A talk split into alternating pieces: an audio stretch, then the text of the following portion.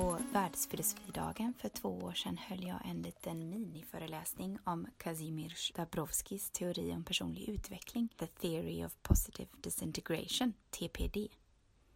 Den kan man ju diskutera under en promenad i parken tänkte jag, apropå en annan grej som inte blev av och en föräldraledig folkhälsovetarkompis Caroline med hennes lilla Freja i barnvagn och hunden Majsan i koppel. Min mick tog upp mycket av vinden och alla andra ljud man kan sätta på i en park. Så jag skriver ut en sammanfattning av TPD i inlägget på filoprax.se FYI. Det handlar hur som helst om att ta sig igenom kriser. Och om någonting som kallas third factor. Efter en dryg halvtimme började grå en liten plan om en studiecirkel om det. Att odla sin third factor till hösten Håll utkik efter det, göteborgare.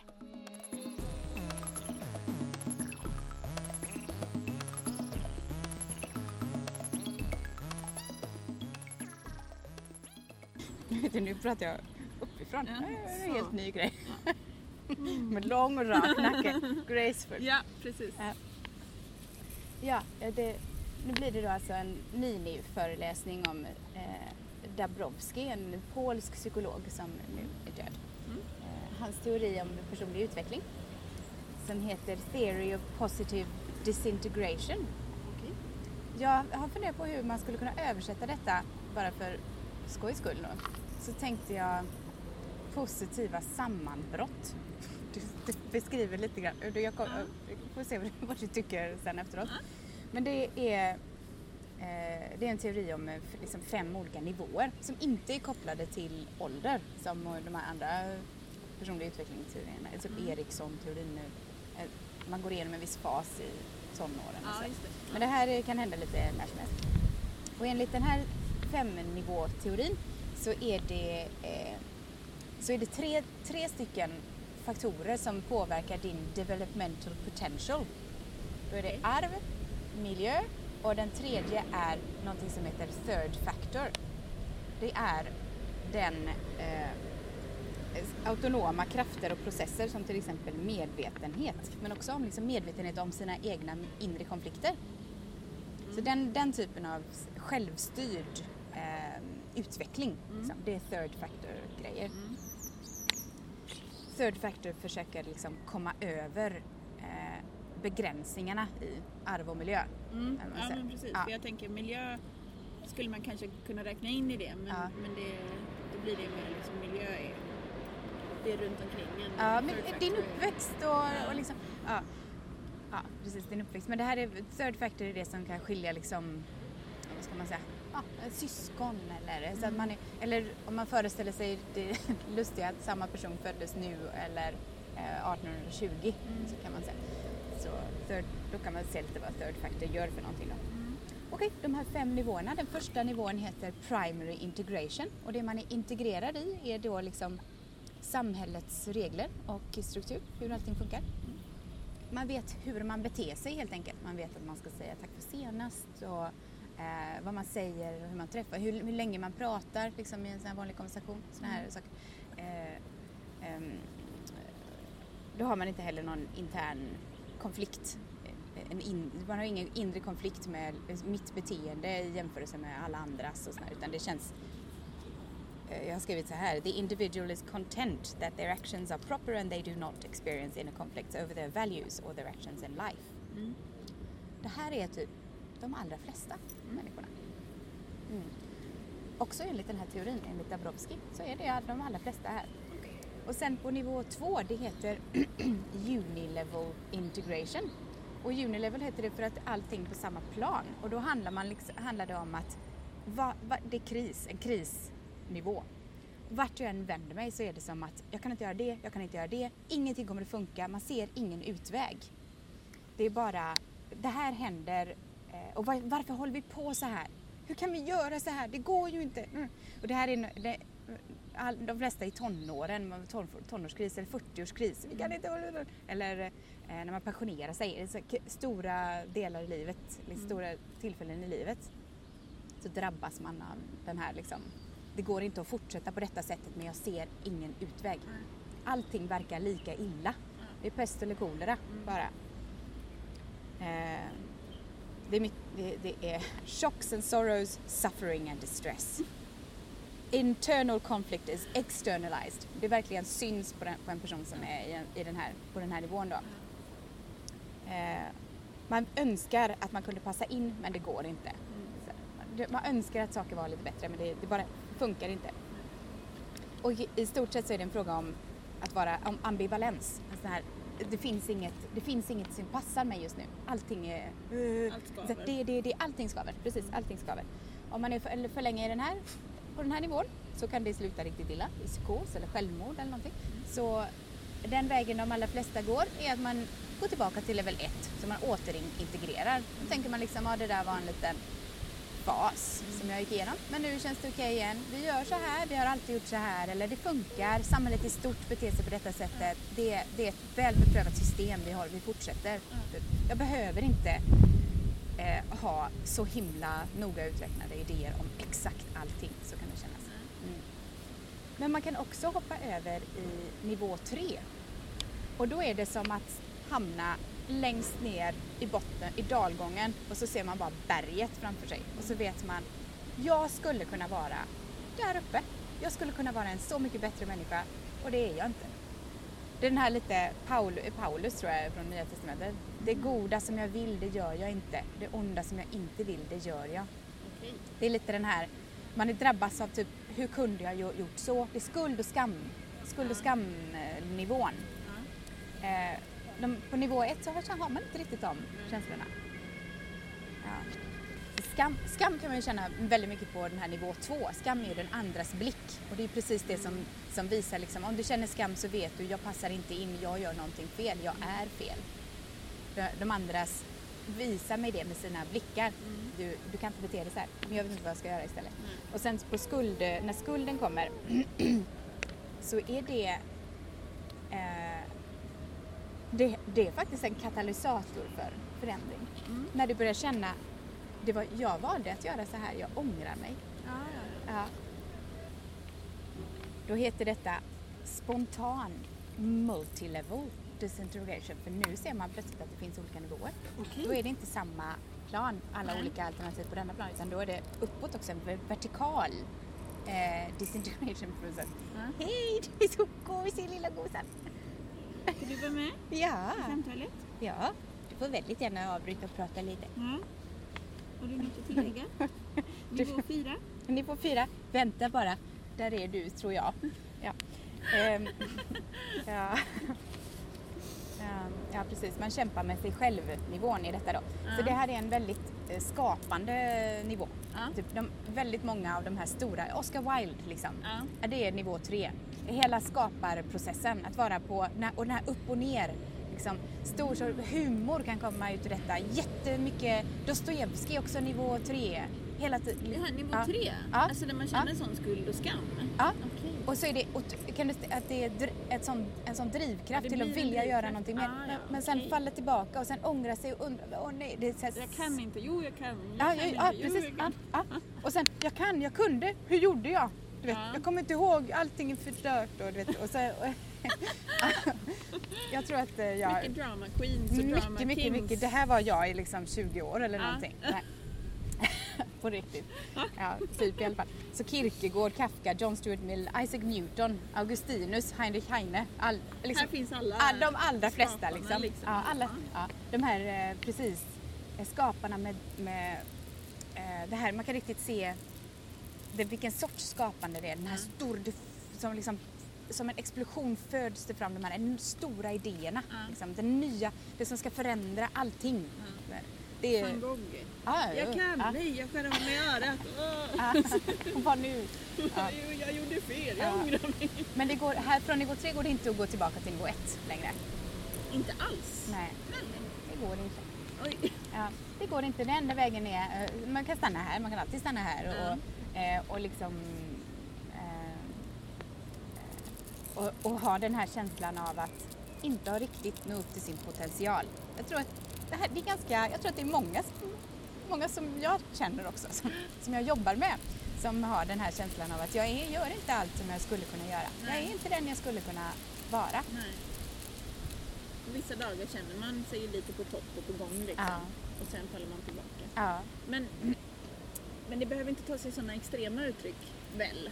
Nej. Som wild fangong eller liksom sånt. Det kan väl vara lite sådär mediokert också fast väldigt Ja. alltså, internaliserat Ja. i kroppen på något sätt. Ja. Eller i Precis, precis. käns- känslan. Ja, den här är inte så som level 2, som jag sa, den, den eh, in, eh, interna, interna konflikten är externaliserad så att det Mm. verkligen syns på att det här har vi en person i kris. Liksom. En person, person som känner hopplöshet och, Ja. och sån här desperat hopplöshet. Liksom. Ja. Så level 3 är mer en... Eh, eh, det, det syns inte på samma sätt. Utan, men man kan, man kan ju se att någon, det är någon som kämpar med sig själv. Ja. Och man kan se att det är någon som... Du vet, alla de här som man står mitt i en... Eh, äktenskapet börjar... Man, plötsligt så ser man någon annan så känner man så åh jag önskar jag var gift med den istället. Mm. Typ. Och den, här, den här sortens kris, hur kan jag känna så här, vad gör jag, vad ska jag göra med händer med barnen och vet, Ja. sådana här... Eh, ja. Så, så den, den nivån är, det är nivå tre. Men nu går vi till nivå fyra. Jag förstår. Nivå fyra, nu måste vi vidare. Vi måste alltid vidare. Mm. Gracefully, continuing.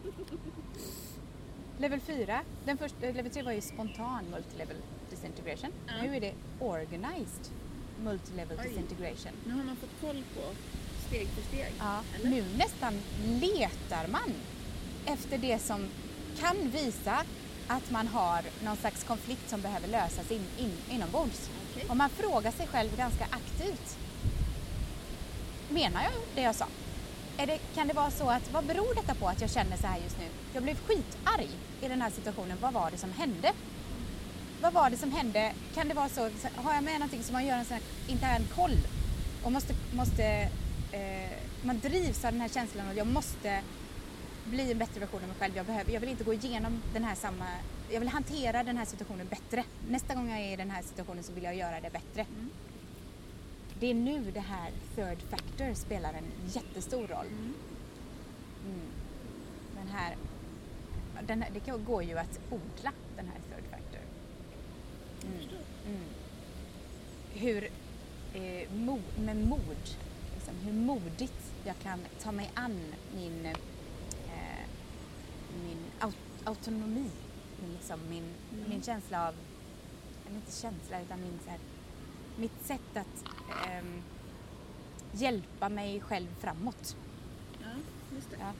Jag, som folkhälsovetare så kopplar jag lite grann det, även om det inte är samma liksom, eh, begrepp eller, eller helt samma innehåll, eller man ska säga, känsla av sammanhang. Ja, Mm. ja, för det, ja, ja. För det kan ja. man ju också liksom förbättra och jobba Ja. på sådär. Men man kan också ha en väldigt låg känsla av sammanhang vilket gör att man ofta känner ja, liksom allt blir lätt väldigt hopplöst Ja. och eh, en svår situation blir oftast en väldigt svår situation. Ja. Man kan inte hantera saker.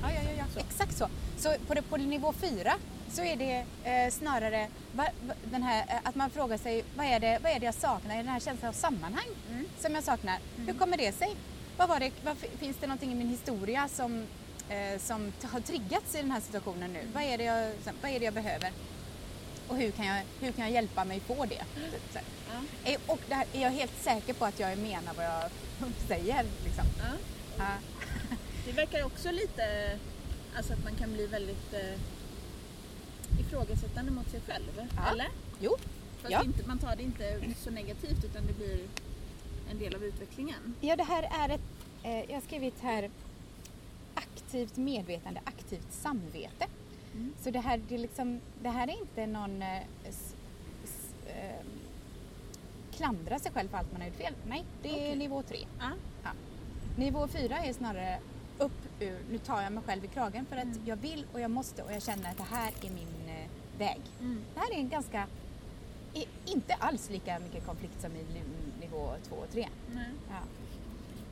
Konflikt och kris har jag skrivit är inte längre sånt som kommer av livet. Erfarenheter som man råkar ut för bara. Man står och plötsligt så händer det ena och det andra. Utan man letar efter motsägelser bland sina egna värderingar och i sitt eget beteende. Om man hamnar i en situation där någon verkar bli irriterad på vad man har sagt så kan man skanna och kolla, var det något jag sa? Utan att, "Åh, det var något jag sa, nu ska jag aldrig visa mig bland det. folk igen. Utan snarare säga, hur kan jag eh, här, göra om och göra rätt? på ett mer objektivt och, och liksom eh, icke-anklagande sätt Ja, låter det. precis. Att man bara så här, oj då hoppsan, Ja. jag kanske gjorde fel. Gjorde jag fel? Ja. Vad tycker du, gjorde jag fel? Kan man fråga den andra Då kan jag, kan jag rätta till Ja, det ja, kanske. ja. Okej, bra då går vi vidare. Ja, Ja, precis. Okej, jag förstår. Ja, Mm. yes. mm. Jagets roll i utveckling. Mm. Ja.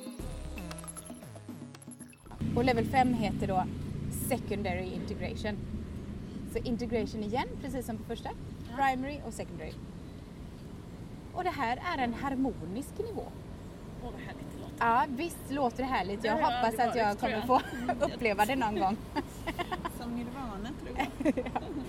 Ja, där man drivs, eh, drivs av self-perfection, att förfina sig själv. De interna konflikterna har slutat. Värderingar och beteende hänger ihop. Externa konflikter tas emot bara med ett slags läggning riktad mot utveckling. Så man kan föreställa sig en extern konflikt som, ja, eh, om man råkar vara, befinna sig i krigszon eller en slags minikrigszon där man står bredvid två personer som hatar varandra och är jättearga.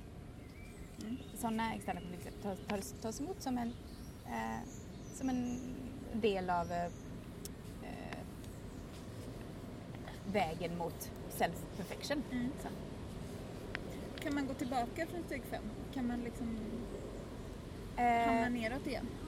Jag antar det men inte liksom hela vägen. Men Nej. jag antar att det går att hoppa lite upp och ner sådär. Ja. Kan, man kan också säga eh, på, level, level 5 bara så har vi till exempel Albert Schweitzer, vet du vem det är? Nej. nej.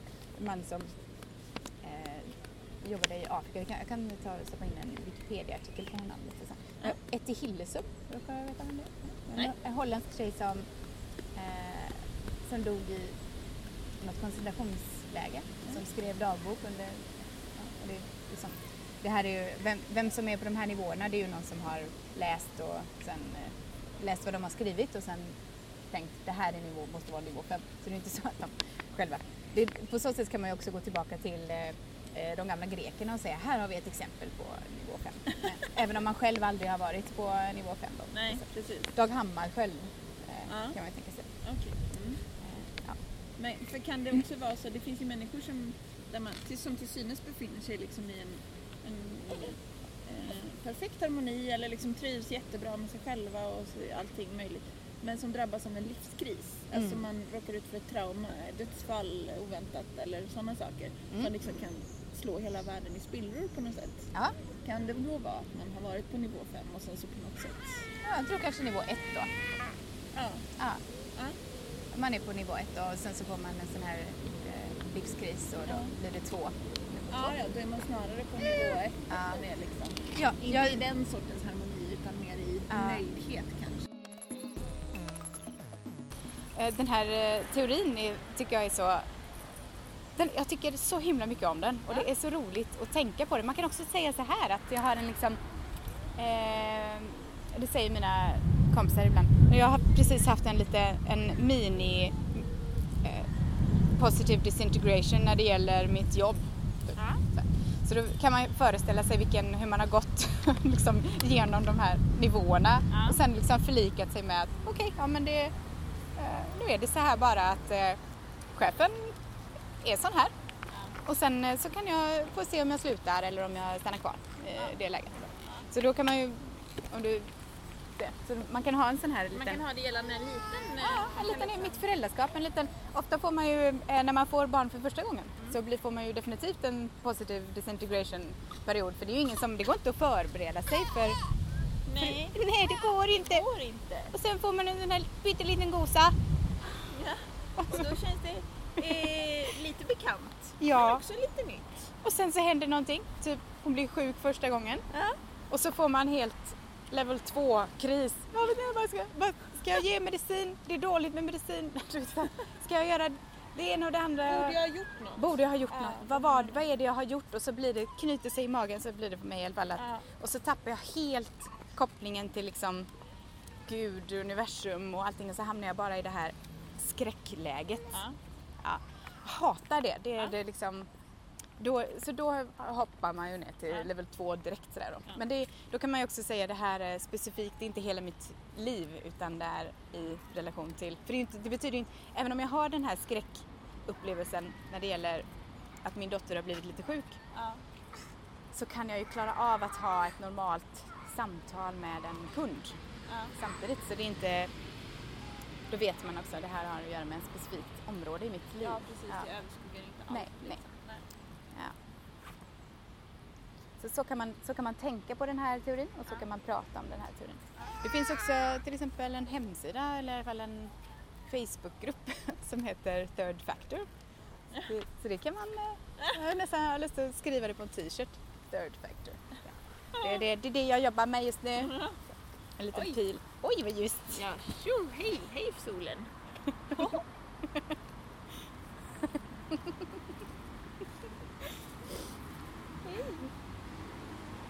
Ja, det var bättre. Ja, det var bättre. Mm. Ha? Så, ja. Men eh, det, det här är min, när jag höll det här föredraget eh, för två år sedan så var hela poängen att jag skulle koppla det till eh, filosofisk praxis. Mm. Praxis är saker som man gör, det är ju faktiskt det som är somatiskt. Mm. Så filosofisk praxis är kanske lite samma sak som somatisk filosofi. Är det det? Det är det kanske. Tänk att jag aldrig tänkt den tanken. Tänk om det är samma sak. Jag har hållit på och tautologiserat min... Ja. Ja, ja, det är väl bara, bara bra då, säger vi. Ja, det är ja, i så fall. det gör väl inget. Då kan du kanske ha närmat dig det från två olika håll Ja, kan man säga. ja, det är ju så man, man, jag vill göra. Ja. Närma mig saker från olika håll. Bra. Ja. Men då har jag skrivit så här, filosofisk praxis var, var liksom eh, det, på, på den här första nivån, primary integration nivån, så är man inte särskilt filosofisk helt enkelt. För då man behöver inte ställa Nej. några frågor om varför-frågor om, om livet och varför jag är här. Sådär. Och när man gör det så, så kommer någon, annan i närheten och är så här, ja tänk inte för mycket bara. Typ, utan, Nej, just det. det. Ja. Men det, kan man säga att det är alla de här människorna som är jävligt oreflekterade på något vis? ja, Och det, bara går omkring och bara de som gör det. lever för dagen. Ja, Och, och gör rätt sak hela tiden. ja, Typ, eh, eller liksom jag gör mitt bästa och det är väl ja, jättebra. Ja. Eller? ja. Det är när man inte strävar helt enkelt. Nej, Den precis. den jag här- vet precis vilka jag tänker på. Precis. Ja, de, eh, det är sådana som antagligen inte lyssnar på den här podcasten. Så det, Precis. Ja. Eh, och som tycker att en annan ältar för mycket kanske. Ja. Och alltid har grubblat så Ja. mycket. ja, du får, om du bara kan, ska du, kan du testa att bara låta bli. Med, bara ta det som det kommer. Ja, Man bara, Går inte! Jag är en triangel i ett runt hål, det går inte. Ja. Men här har jag skrivit, man kan, om man vågar ställa sig den här frågan, tänk om jag har fel? Eller eh, om man tänk, tänker så här, vem gör det här tankeexperimentet? Vad, vad vill jag titta tillbaka på för slags liv på min dödsbädd? Mm. Så betyder ju inte det att eh, det är ingen deprimerande sån här, jag vill inte tänka på döden, utan det är snarare om hur kan jag eh, eh, hur kan jag leva ett sånt, eh, vara den bästa versionen av mig själv, Mm. leva det bästa sortens livet. Och de, de, även, även på första, på, i, i primary integration nivån Mm. så är detta förhoppningsvis en minimal väckarklocka som kan säga att det finns alltid andra möjligheter. Mm. Jag menar inte du, kan, du är dålig, du måste bli bättre. Det är inte det jag försöker säga. Nej. För det kan ju vara så att man, att, man, att man ärligt tittar på den frågan och tänker fast jag kommer titta tillbaka och känna att det, att det var bra och att Ja. jag har gjort bra. Ja. Jag har gått, gjort så gott jag har kunnat och Mm. så kanske. Jag vet- Jag, jag har en, en inre konflikt när det gäller just den här typen. För jag tycker att det är svårt att eh, eh, gå med på. Typ. Men det är ju en lite en arrogans från min, min sida då kanske. Mm. Som, som gärna hela tiden vill jag tänker bara växa, växa, växa liksom. Och Mm. Emerge, emerge, emergent energy tänker jag hela tiden. Mm. Att inte sluta utan att fortsätta och så här, eh, graceful dansa med, dansa i livet med vågorna och, så, och inte liksom armbåga sig fram och inte heller gömma sig. Inte, sen den här Jesus-liknelsen, du ska förvalta ditt pund. Kommer du ihåg den? Mm, nej. Nej. Är det, Jag, jag är väldigt, väldigt dålig på, på Bibeln och ja, bibliska Okej. och Ja, grejer. ja, Så, så berätta gärna. ja, men den, den, den här, eh, här är det, Ja, Nu Ja, börjar ja. det bli tråkigt. ja Bibeln, det orkar jag inte prata om. Nej. Redan, jag är bara Jag ett kan- halvår. Ja, jag kanske kan köra vagnen om du vill bära. Ja. Det är några personer som får, var, var och en av dem får ett pund. Eh, en stor, mycket, liksom, värd, värt mycket då, en mynt som är värt mycket. Och så är det tre personer, vad gör du med, med ditt pund? Frågar. En gräver ner det så att han inte ska tappa bort det. En eh, ehm, köper en oxe så att han tjänar någonting så får, blir det två i slutet. Jag hoppar över det, det, finns, det, det, det läckra berättandetekniken här och hoppar till, direkt till slutsatsen. Och, det, och den tredje investerar så att avkastningen blir mycket, mycket större. Och då undrar man så här, jag som hörde den här första gången jag gick i gymnasiet och gick ekonomisk linje och hade oerhörda problem med alla som gick i min klass. Typ. Så tänkte jag, vad är detta? Jag vill inte investera, jäkla hatar aktier och, pengaprat när jag var tonåring. Ja. Eh, Men det är alltså den här tredje personen som har gjort rätt. För att Enligt vem? Jesus. Jaha.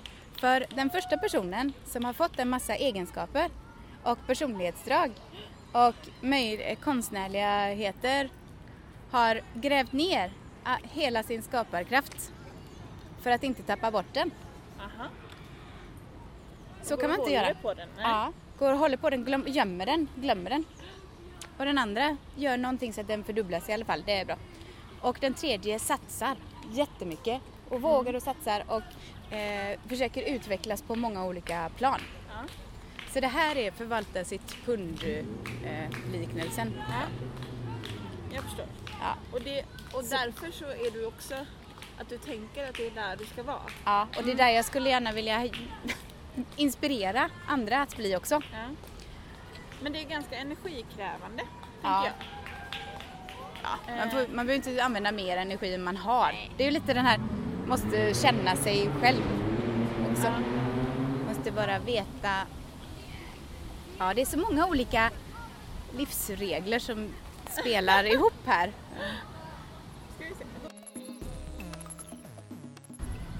Se om jag hade någonting Ja. på de här papperna. Jo, det var level- level 1 då. Och sen så... Jo, just det, level 2. När man har så här superkris. Mm. De frågorna man kan ställa sig då är ju att försöka ta reda på vad, vilka ens värderingar är. Det är ju svårt att ens veta ibland. Mm. Särskilt när allting verkar lika dåligt. Exakt. Då, hur ska man då avgöra? Mm. Så finns det massa olika sätt att ta reda på sina värderingar. Jag har, jätte, jag har en, en uppsjö av sådana här som Mm. jag kör med mina coachingkunder. Det här, är det här, det här. Jag gjorde dem själv. Ja, men jag menar att det bara, de är jätteroliga. Men de, jag tycker det är jätteroligt att, att sitta, sitta och verkligen fundera i 20 minuter per, per fråga. När, vilka situationer, tre situationer där jag mår riktigt bra. Ja. Så beskriva i detalj hur det är i de situationerna. Sådana frågor lekar tänkte jag säga. Det låta som lekar. Eh, Övningar. Det, jag skulle jättegärna ha några sådana. Ja. Jag eh, tänker att det vore bra. Ja. Jag tänker att det vore bra för min sambo också. Ja, ja, Som liksom har eh, fastnat i någon slags ekorrhjul lite grann. Ja det är ju väldigt och vanligt. saker. Ja. Ja, men absolut. Ja, men då Och behöver, tvåbarnspappa och... ja, ja, herregud. Man hör ju direkt Ja, att ja, man behöver visst. några lekar. Man hör ju vilken nivå han är. Men i, det, i den situation, det här är ju också en viktig grej med de här nivåerna. Det är inte så att man, man ser vilken, eh, här har vi en tvåbarnsfar, aha, nivå. Nej. Utan det kan man vara på vad som helst i Ja. alla de här yttre omständigheterna. Third factor där också. Third, fac- third factor, men att odla sin third factor det är väl den the million dollar question här. Mm. Hur man gör det bäst och, och enklast. Mm. Och det är väl där, det är lite det som jag försöker göra med, det, med hela den här somatisk filosofi-serien. Ja. Typ, jag vill hitta någon slags eh, kursplan eller en manual. Så Ja. vad, ska du, vilka del, vad ska du tänka på? Vad, hur, vad kan du göra för att i din eh, i, din, i ditt, liksom, din levda tillvaro, i det sättet du tar dig ur sängen och går till jobbet och sitter på jobbet och, eller står eller vad du nu jobbar med Ja.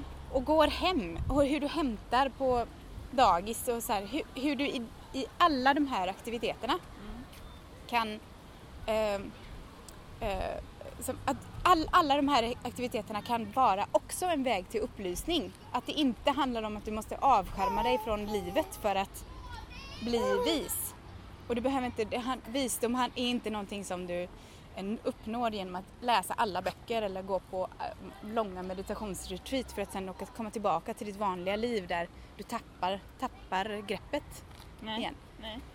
Utan det här, det här i den här stunden. Just, som vi gör just nu, det här är ett perfekt exempel på vad jag vill försöka hitta. Så här, vilken princip är det vi använder nu? För det här är ju underbart ju. Som en junidag i parken, runt, runt, runt. med, med bebis och hund och goda samtal.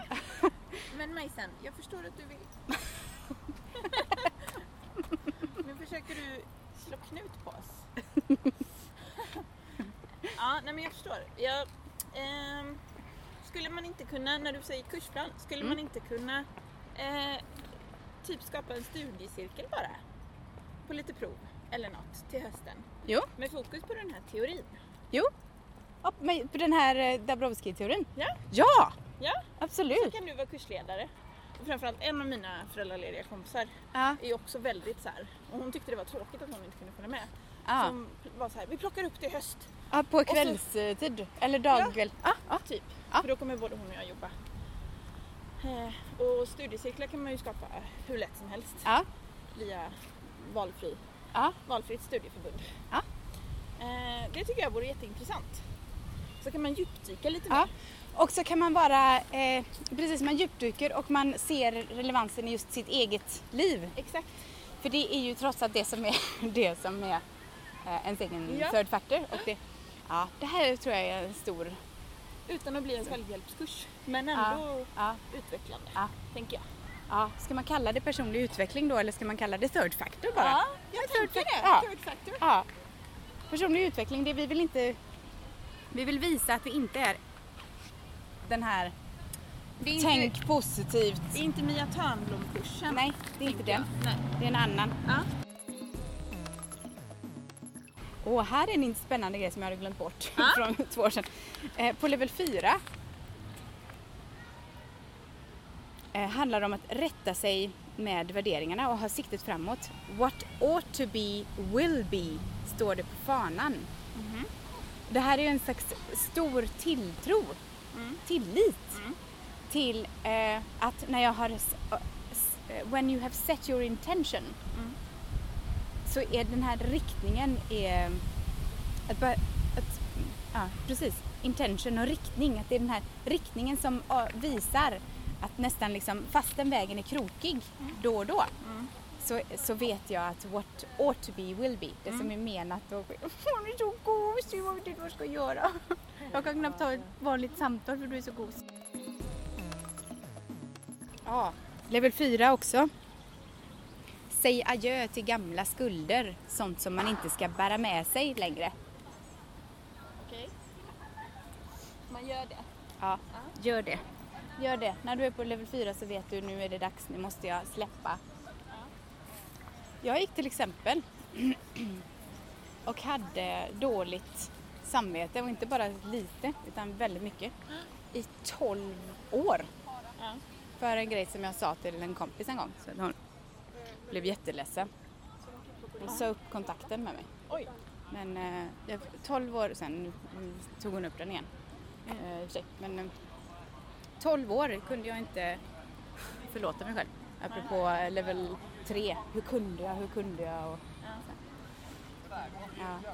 Men att sen också kunna säga Herregud, ta det lite lugnt nu fröken Jesus-komplex. Liksom. Men räckte det då med att du kunde liksom på något sätt förlåta dig själv eller var det ett samtal med henne också så att du fick hennes förlåtelse? Nej, jag, jag, jag tror att den andra, den andra personen i sådana här eh, lägen, inte, jag ska inte säga oftast men eh, och det beror på vad man är, har för personlighetstyp. Men i mitt fall så kändes det verkligen som att det var, den andra personen var inte den som var viktig i det här utan det var min interna konflikt Mm. med hur jag vet att jag vill vara och eh, vad, jag, vad jag var. Ska vi sitta där? Ja, precis. Här är lite dum. Ja. Och så här, den, så skulle jag ju säga till, till, till andra i samma läge också. Jag har en kompis som berättade om, om någonting, en 40-årig kompis som sa att "Ja, den här gången i, i gymnasiet så kom den här nya killen i, till klassen och han bara, och så sa jag inte eh, blö, blö, blö, blö, blö." Och då måste måste man ju säga nu räcker det med det här. Nu kan du inte bära med dig detta längre. Det är, inte, det är inte rimligt att du ska känna så här så långt senare. Nej. A lucid view of the darkest situation is already in itself an act of optimism. Indeed, it implies that the situation is thinkable. A lucid view of even the darkest situation. Det är Sartre som sa det, fast inte på engelska. Men det så ja. Kan du säga det på franska också? Nej. Internet vet inte heller. Nej. Så. Jag vet inte. Jag inte Ingen vet Ja. han det. Är för evigt förpassat till historien. Ja. Ja, men Mm. hur som helst, de flesta får bara liksom en liten, liten kris och sen går de tillbaka sen, eh, tonåren eller mitt i livet. Men den här modellen säger att kris, kom, kom till mig kris. Låt mig gå igenom dig och lära mig allt av dig. Jag välkomnar dig, the dark night of the soul. Mm, vad säger du för det? The dark night of the soul. inte än. Nej, inte än. Nej. mm. Mm. Men det är också ett, ett, eh, ett ganska skönt sätt att liksom eh, teoretisera kris. Ja. Alltså att man känner så här, okej, alltså man kan, man kan strukturera upp det rent tankemässigt på det. Alltså man, det blir något att luta sig mot. Verkligen. Kan det ju vara. Jag, jag tänker, när jag hörde om den här teorin för första gången så var det som att eh, jag hoppade sådär från level 3 till 4. Bara man vet vad, vad är nästa steg liksom. Vad kan man göra? Mm. Och det var en sån, det var en oerhörd befrielse då naturligtvis. Mm. Att slippa, slippa de här 20 åren av "Åh, hur kunde jag, vad jag kan, jag gör inte allt jag kan göra, jag, kan, jag är inte den jag skulle kunna vara.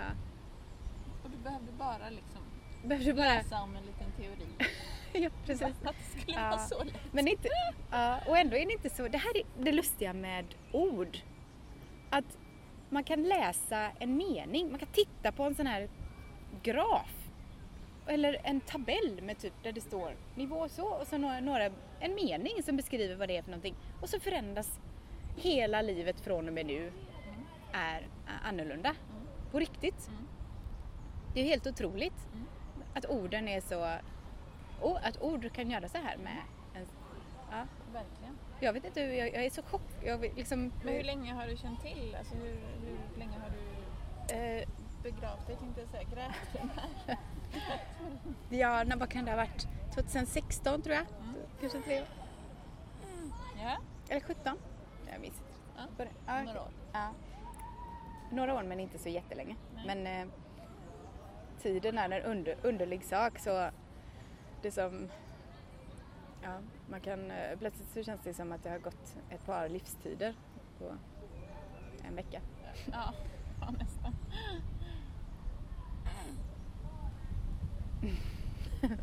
Är det gott? du är så gullig. Du är så gullig. Det Mm. blir extra gulligt när du har byxorna nästan upp i armhålan. Ja, och den här lilla runda magen som Ja. bara pluttar fram där.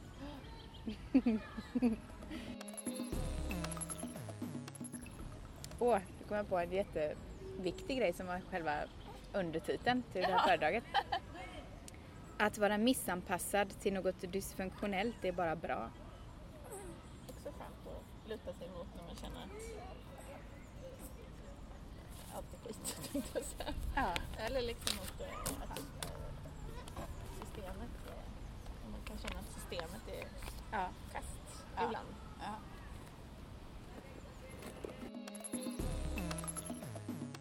Det här, vi har någonting med orden. Orden känns viktigare än just eh, eh, somatiskt för det är ju någonting om att säga dem och att eh, höra dem och att läsa dem. Allt detta är ju med, gör vi med inte bara sinnet och kroppen. Eh, på, på ett, ett av de senare, tidigare avsnitten så har vi en psykolog, Rasmus Ribbegård, som säger det, man kan inte skilja kroppen från själen. Det är ett gammalt filosofiskt problem där. Mm. Det går inte att, att göra det. Det finns, inte bara, det finns aldrig bara en, en kropp. Det finns bara kropp och själ tillsammans. Mm. Han, det var en parafras på Donald Winnicott, den andra psykologen, som sa There is no baby, there is only the mother and the baby. Mm. Eller the parent and the baby i Sverige. Ja. Ja, men det kan man ju se att bebisen inte existerar själv.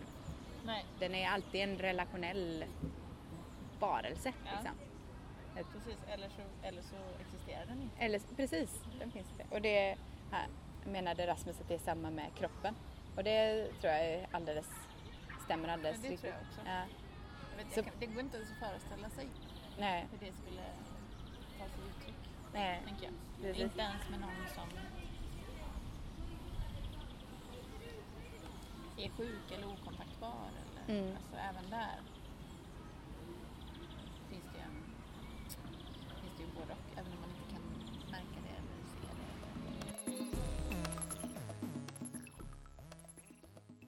Ja, att läsa en mening eller titta på en graf. Var det inte någon som sa att något av det mest unikt mänskliga är att man kan titta på en tabell med siffror och gråta? Något i den stilen i alla fall. Och så återanknyter vi till parken och hunden och den lilla bebisen och samtalet, dialogen. Dialogos förresten, genom ordet. Vad finns på andra sidan? Vad möter man när man kommit igenom? Du har hört det tolfte avsnittet i serien om somatisk filosofi, en podcast från Filoprax Göteborgs filosofiska praktik. Du hittar detta och de andra avsnitten på filoprax.se. Leta i menyn efter artiklar och poddar.